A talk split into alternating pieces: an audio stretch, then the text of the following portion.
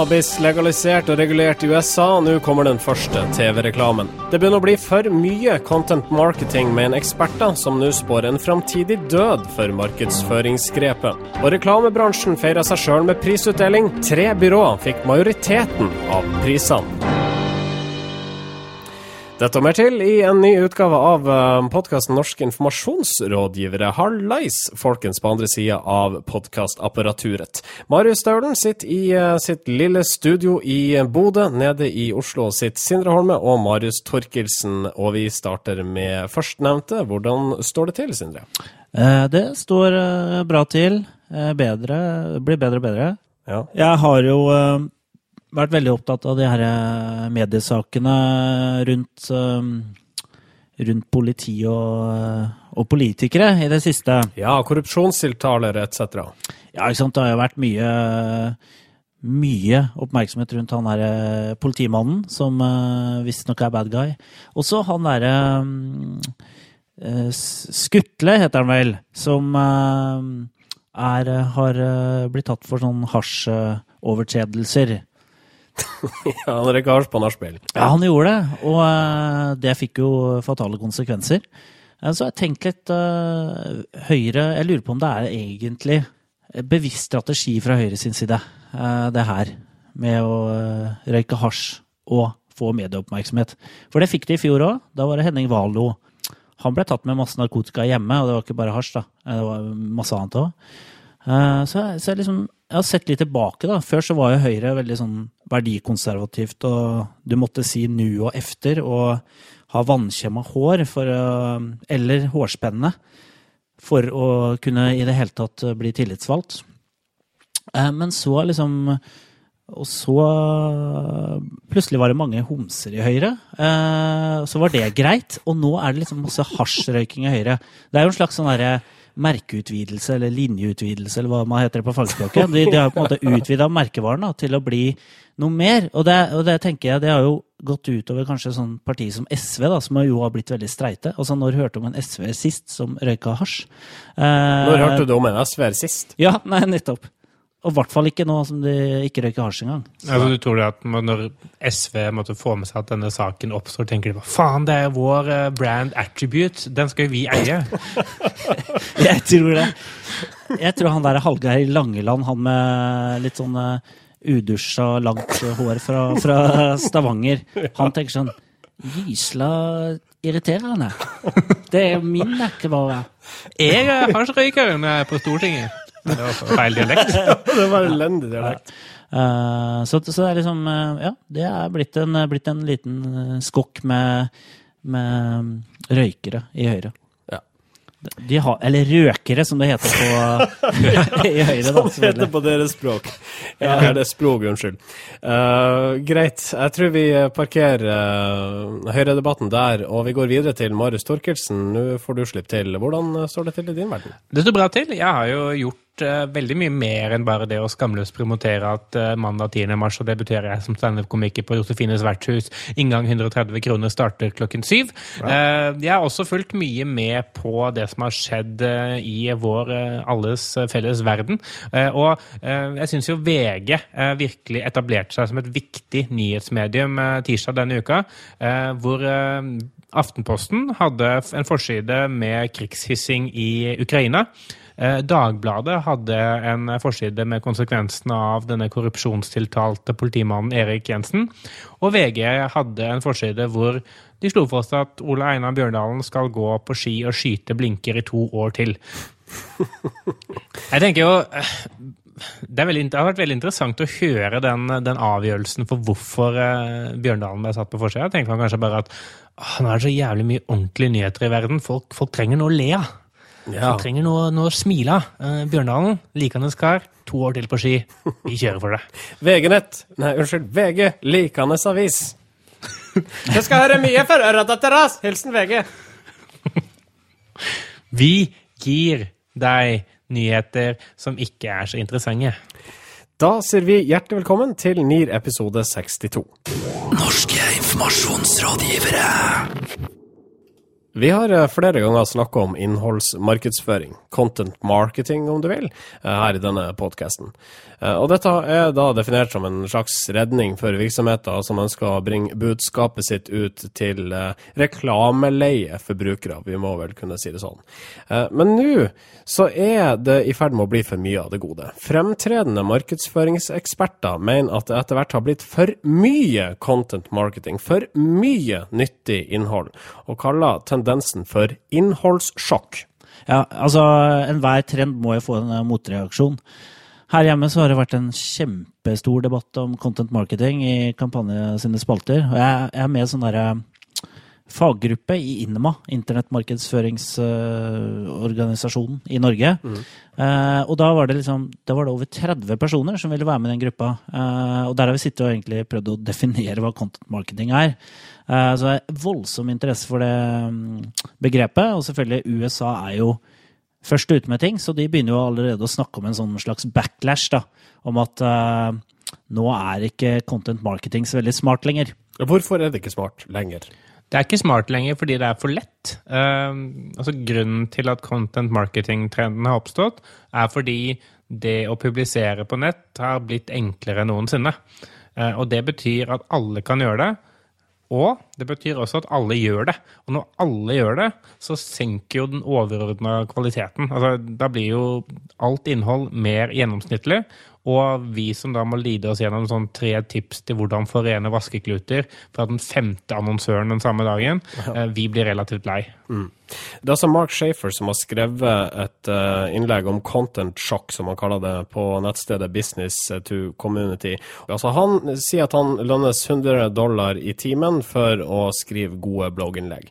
Hvis uh, tre timer med arbeid genererer 1000 dollar i inntekter som følge av at han får uh, nye kunder, så er det et pluss-regnestykke. Og etter hvert som innholdsmarkedsføringa øker generelt, så blir innholdet stadig bedre, er det ikke så? Og dermed så må du bruke mer penger for å være blant de beste, og dermed de, også de foretrukne. Ja, ikke sant. Og uh, content marketing er jo alltid blitt beskrevet som en sånn gratis ting, fordi man tenker at plattformen er gratis. Men det er jo arbeidet ved å produsere innhold som er det som er eh, tidkrevende, og det må man jo ha ressurser til. Eh, vi har før henvist til Sparebank1, som har ansatt både videojournalister og fotojournalister, og uh, i tillegg til at Christian Brostad er content marketer på speed. Så han produserer en hel masse greier. Og, det er en måte ressursbruken som, som, kreves, men det forstår ikke de fleste norske annonsører ennå, tror jeg. Kanskje ikke de fleste internasjonale heller store idolet innenfor content marketing og store liksom, uh, fanebæreren for det jo, uh, blir jo sett på å være Red Bull, uh, som sendte han Baumgartner langt opp i stratosfæren for å foreta verdens høyeste hopp. Red Bull har gått fra å være liksom en drikkevareprodusent til å bli et mediehus i tillegg. Altså, de har jo opptreningssenter for ekstremsportutøvere i California, liksom. Altså, de, ikke, de driver ikke bare med å selge, selge, et produkt.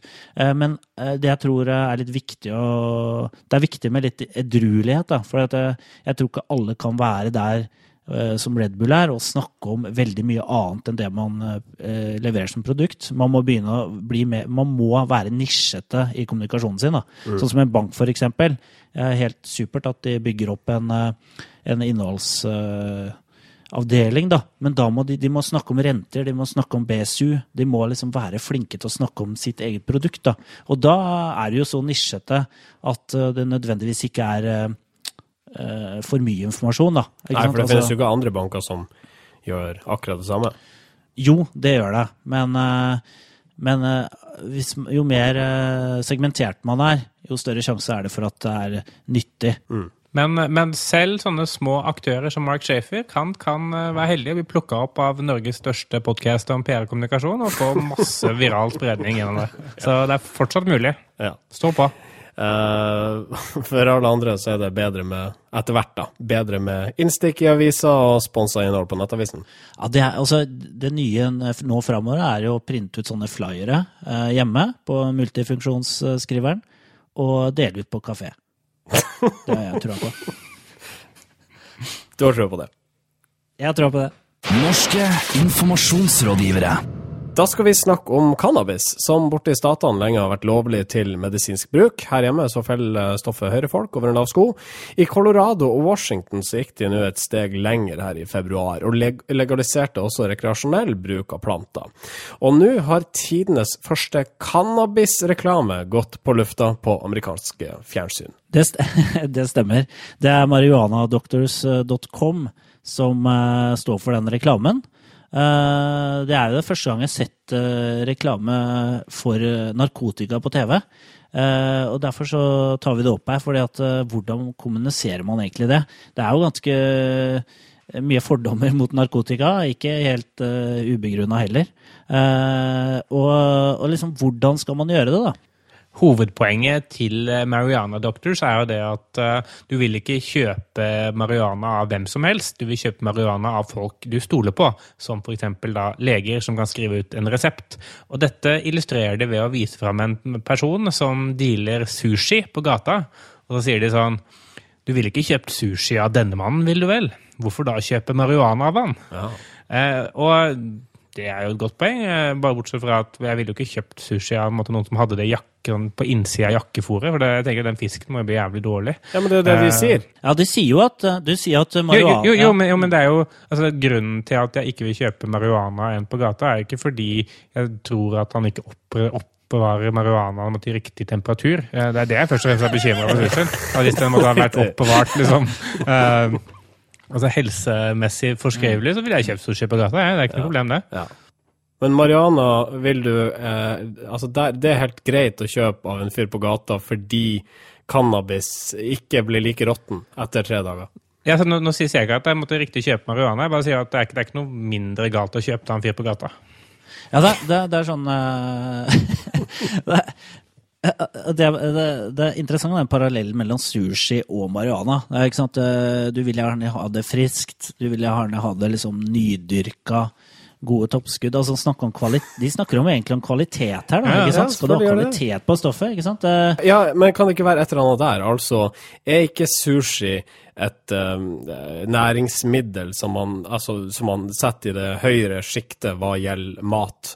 Er det ikke kanskje et forsøk dette her på å løfte cannabisen opp til den altså, høykvalitetsmaten? Jo, men nå er jo sushi like vanlig som kebab. Ja, ja, i Norge, ja, jo, men, det nesten, det. men det er jo noe i det. Det er noe i det. Uh, det er på en måte, det er, jo, det er forsøk på å løfte det litt opp som et litt freshere uh, ja, freshere stoff, for å si det sånn. Mm. Uh, og, og, det er jo et forsøk her på å endre oppfatningen om uh, marihuana, kanskje. Det mest interessante med dette her, syns jeg, da, og det kan vi ta opp siden vi nå, både jeg og Sindre jobber i et mediebyrå, eller byrå, som man sa -hmm. før vi ble av med danskene. Um, og det er jo det at denne reklamen den skal sendes på Comedy Central og History Channel. Uh, og det skal sendes uh, kun mellom klokka ti og klokka fem på morgenen. Uh, og jeg vil jo tro at de som da sitter måtte, sånn tilbakelent i sofaen sånn tre på natta og ser på Family Guy på Comedy Central, er sånn midt i målgruppa. da.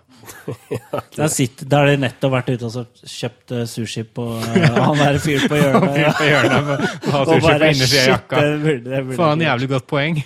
Men hva vi skal si om tilnærminga her? Det er jo en litt sånn snill måte å gjøre det på. For det første så prøver de da å ta et produkt som er kontroversielt, og gjøre det måte litt sånn symbolsk mindre kontroversielt gjennom å snakke om sushi og overført betydning til marihuana.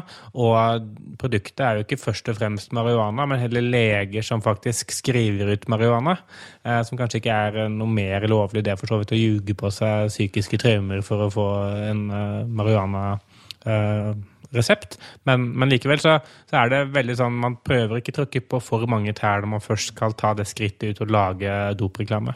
Jeg, jeg, tenker at det viktige her er jo ikke gå i den fella og, og snakke samme språk som de som ønsker å legalisere narkotika. Uh, på en måte ufarliggjøre uh, marihuana. Da.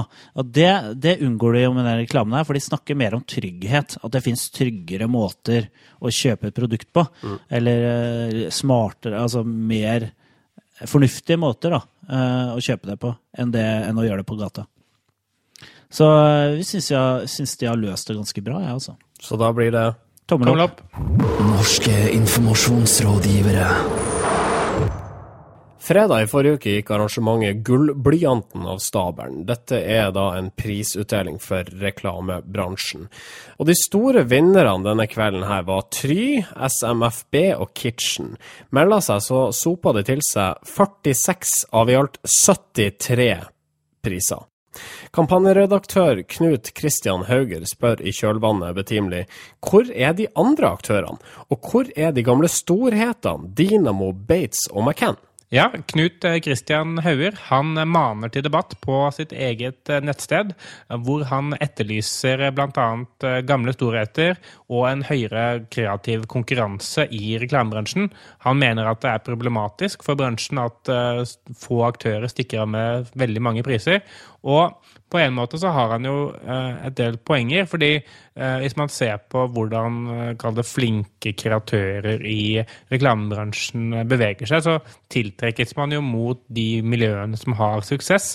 Og det er, veldig, det er en fare for at eh, miljøer som ikke vinner priser, fortsetter å måtte ikke vinne priser fordi de ikke klarer å tiltrekke seg store kreative ressurser. Og hva det egentlig har å si for norsk reklamebransje på sikt, det er litt sånn usikkert. Men faren er det at eh, det blir veldig få miljøer som setter standarden for hva kreativitet er, og at eh, alle til syvende og sist måtte tenker kreativt på akkurat samme måte.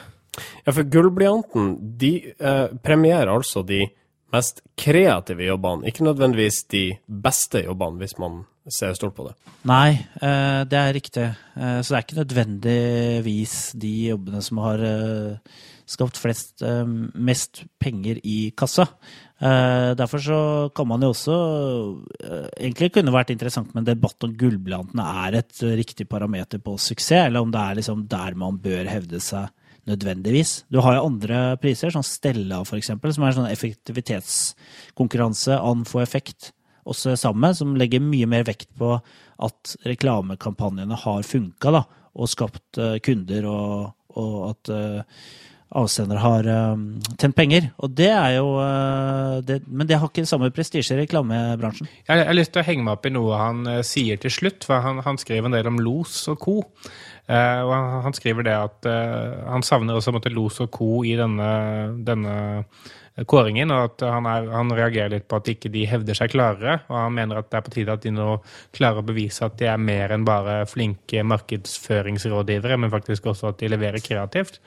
Og det tenker jeg, det bør ikke måtte, få lov å stå ubestridt, da, fordi eh, Los Co. er vel en av måtte, de større sånn, suksesshistoriene i norsk reklamebransje de siste årene. og eh, de har nettopp klart seg bra fordi de har vært veldig dyktige på marketingrådgivning. Da. Eh, Så det at de ikke vinner kreative priser, betyr ikke at liksom, de er et byrå som da må se til å ta seg sammen og lage litt eh, svære brusflasker og uh, Kall det Stortinget som er farga rosa og traktorer opp ned, liksom. Eh, Det er ikke kanskje det de savner mest, da. Altså, nei, eh, det er jeg enig med Marit, fordi eh, spørsmålet er om det er Skal det være så mange eh, byråer som kjemper om akkurat den prisen her? Eh, De Los og Co, som man sier, klarer seg helt fint uten gullblanten, virker det som. Ja. Eh, De vinner kunder, så ja. De trenger ikke å være kreative når, så lenge de skuper inn penger. I så måte så er det gullblyanten som har sine svakheter her, i hvert fall hvis man anser det som, et, eh, eller, som en indikator for ståa i norsk reklamebransje.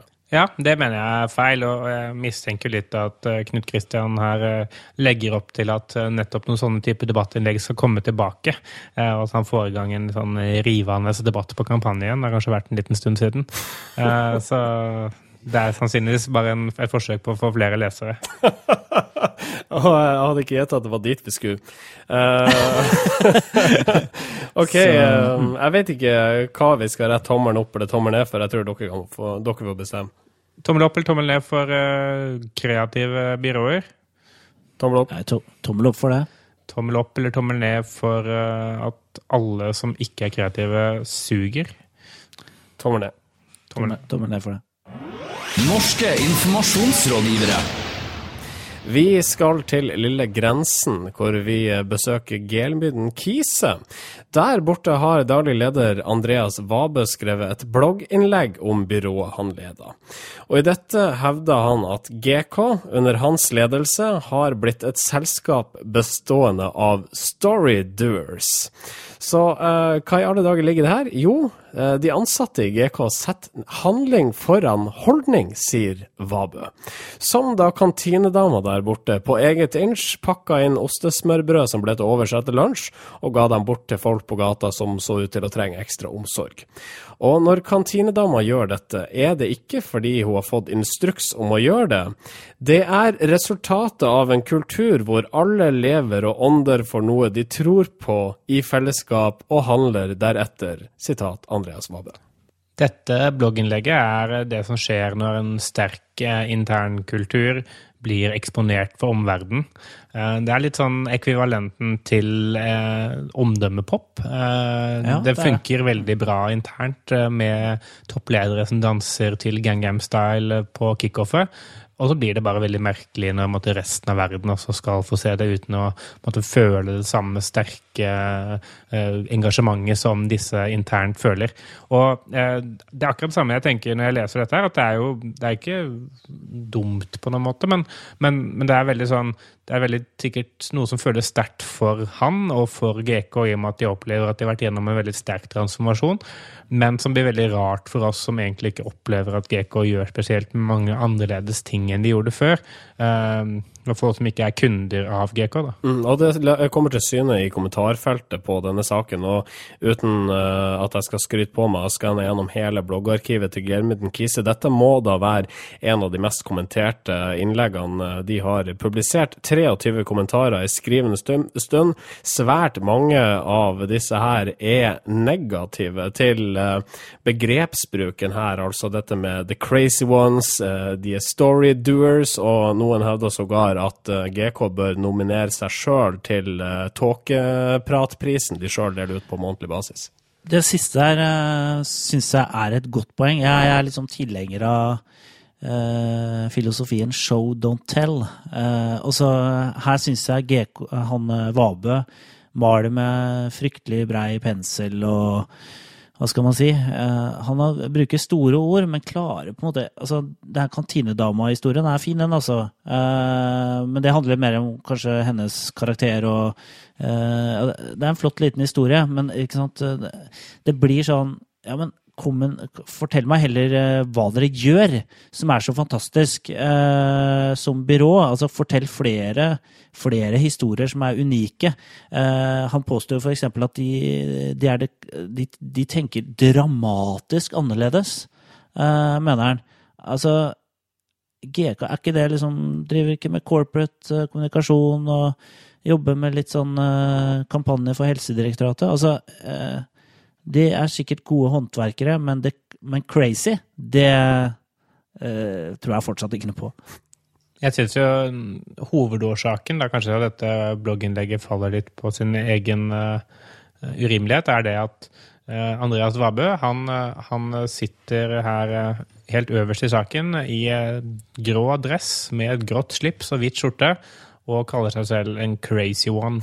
Og akkurat det Sort-hvitt bilde skal sies. Ja, et sort-hvitt sånn profil eh, First House-bilde. Og eh, det tror jeg er grunnen til at folk måtte steile litt. Ja, altså, jeg tror I sin kategori, da, ikke sant, som eh, driver med ganske eh, tørr PR-virksomhet, så kan det hende de ser på seg sånn som crazy. Men de må jo forstå at den eh, bloggen her blir også lest i en annen kontekst. Den blir, eh, og når de da sammenligner deg med Apple, da, så er det jo på en måte Det har lagt lista så høyt at eh, selv eh, Ja, ikke sant. Selv Sergej Bubka ville ha revet Megelands. Enda en referanse jeg ikke forstår. Er er han høydehopper? Stavhopper. Stavhopper. Tilbake på 90-tallet. Ja, det var ok. Riktig. En av dine nyere referanser, da, må du. Til ditt forsvar. Ja. Eh, men eh, samtidig, altså. eh, Dette her innlegget her får utrolig mye negativ respons. Men det er også betimelig å spørre, er det ikke lov å, å, å, være litt frempå og skryte av seg sjøl, som Andreas Vabø gjør her? Lukta det ikke litt jantelov over enkelte av disse krasse eh, kommentarene?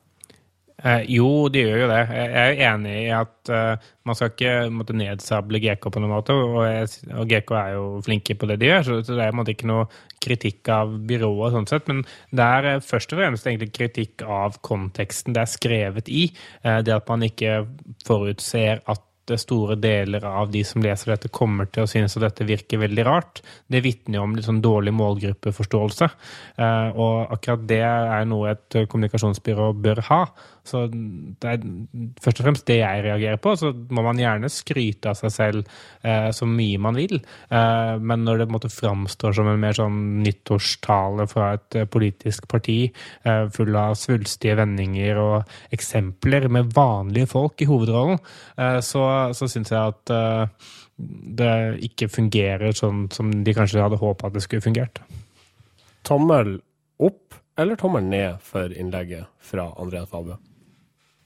Jeg skal være litt crazy og bare gi en stortå opp. Eh, ja, jeg tror jeg skal gi pekefinger ned. Ja. For å være litt gæren. Det er du som utrydda den begalske tigeren, altså. Brukte du alle kommunens penger på PR-byrå? Flyttet du makt i favør av andre enn dine oppdragsgivere? Sendte du hatmail til innvandrere mens du satt i regjering? regjering? Dette skal ikke skje. I forhold til det så legger jeg meg flat. Det var ikke meningen at du skulle finne ut det. Jeg legger meg flat.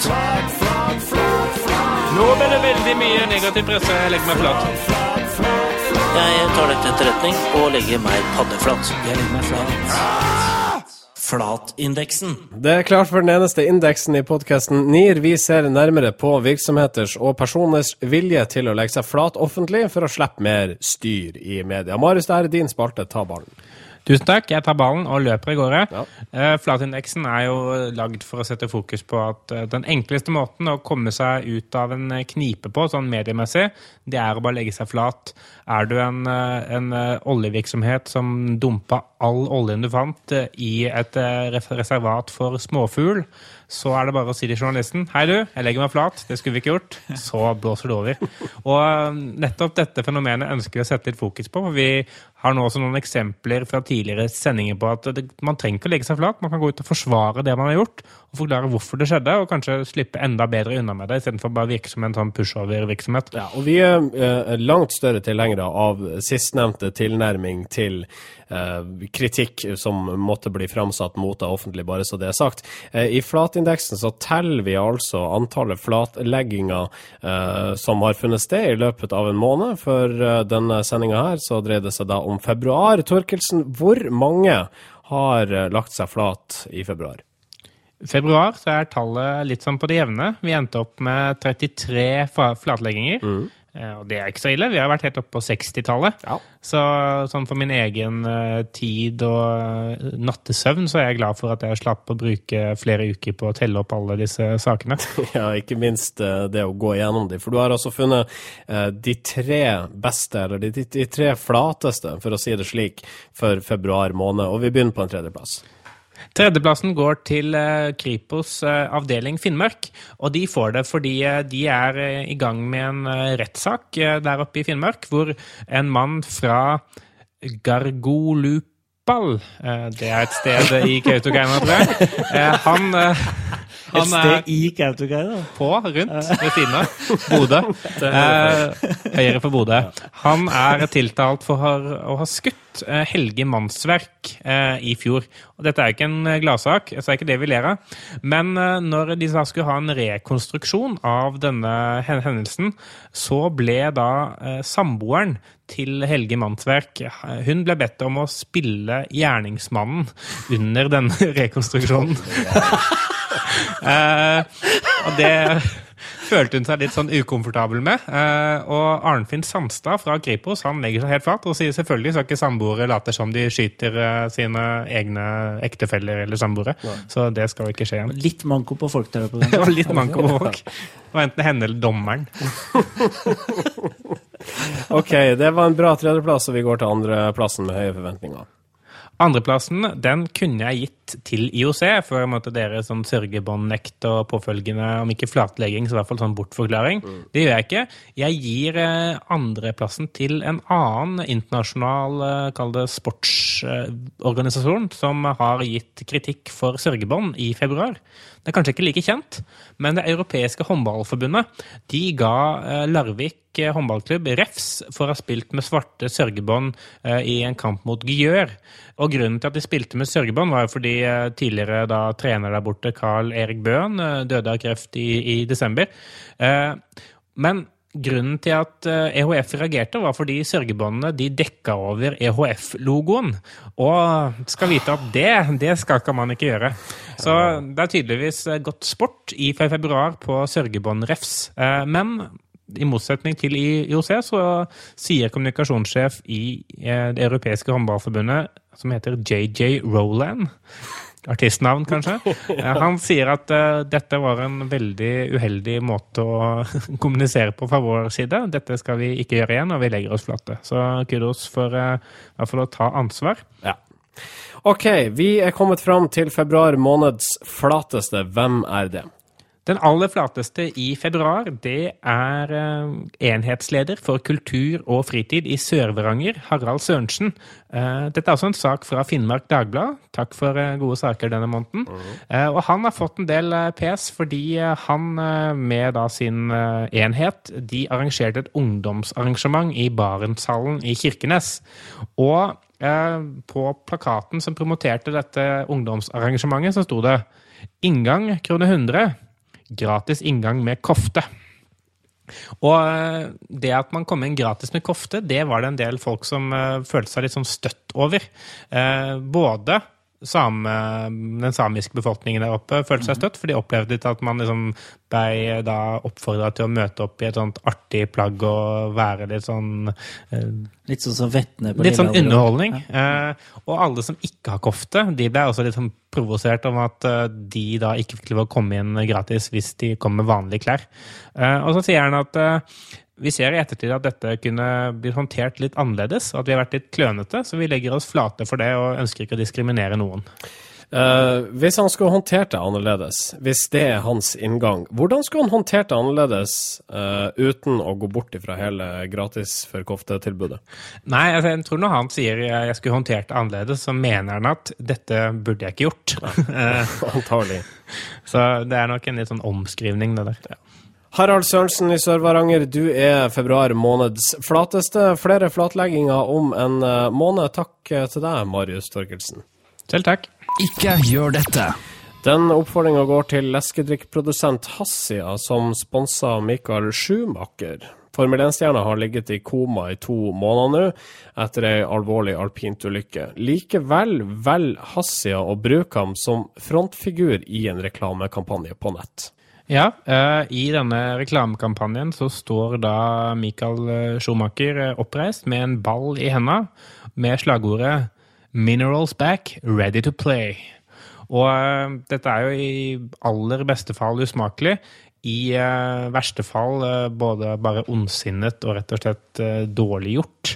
Og jeg tror jo det at grunnen til at Hassia gjør dette, det må være en glipp. Jeg kan ikke forestille meg noe annet enn at dette er et forsøk på å liksom, slippe unna med noe. Det, det kjøper jeg ikke helt. Det kan jo være at de har jobba lenge med den reklamen her, har betalt masse penger og tenker nei, litt bittert og bare Ja, men de vet jo at de kommer til å få tyn hvis de slipper en slik reklame. Ja, så ikke gjør dette. Det blir ganske kort, for det er åpenbart, er det ikke? Jo. Det er helt åpenbart. Ikke bruk eh, kjendiser som ligger i koma i reklamearbeid for med det formålet å selge mineralvann, og samtidig annonsere at they are ready to play. Ikke gjør dette. Ikke gjør det. Ikke gjør det. Ukas kudos. Kudosen går denne uka til advokat Jon Christian Elden. Hvorfor det? Jo, eh, Jon Christian Elden er jo en profilert advokat eh, med en blogg eh, som har eh, vokst seg til å bli en eh, medie... drive mediekritikk av rang. Eh, han er kjempegod på mediekritikk, og han, han gjør det med advokatens øyne. Eh, og han egentlig avdekker litt hvordan eh, politiet ofte jobber, da, og bruker med, media og journalister som litt sånn nyttige idioter uh, i, i forkant av saker, eller for å få gjennom uh, sitt syn. Og vi gir kudosen denne uka uh, for uh, et blogginnlegg som heter 'Narkotikasiktet stortingsmann spiller bak kulissene', der uh, Elden ser nærmere på saken vedrørende høyrepolitikeren som nå har tatt sin metaforiske hatt og gått, etter at det da ble avdekka i pressen at han hadde røyka hasj på et nachspiel. Ja, det stemmer. han Elden setter den saken her i sammenheng med med egentlig litt sånn uh, hvordan politiet jobber i et litt større kontekst. Uh, fordi at uh, politikeren her, høyrepolitikeren, han har vært positiv til legalisering av hasj for mange år siden. og det er sånne ting, mener Elden, som politiet biter seg merke i. så når de avlytta en telefon For det skjer i Norge nå? Ja, det skjer. Ja. Det er jo også et spørsmål om det i hvor utstre stor utstrekning man skal få lov til å gjøre det eh, i mindre alvorlig eh, når det er mindre alvorlige mistanker på gang. Eh, så han setter det her med i sammenheng med at den politikeren her ble nevnt i en telefonsamtale på et nachspiel.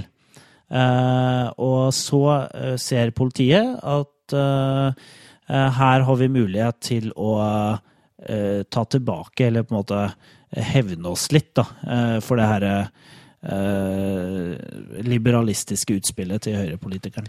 Han insinuerer det at uh, dette her skjer fordi politiet opplever at de har fått en fiende. Uh, og de mener jo at uh, høyrepolitikeren er en fiende av norsk lovgivning, og da spesielt politiets arbeid i kampen mot cannabis. fordi denne politikeren han har uttalt seg positivt om legalisering, og for øvrig på samme linje som det da Obama har lagt seg på i, i USA.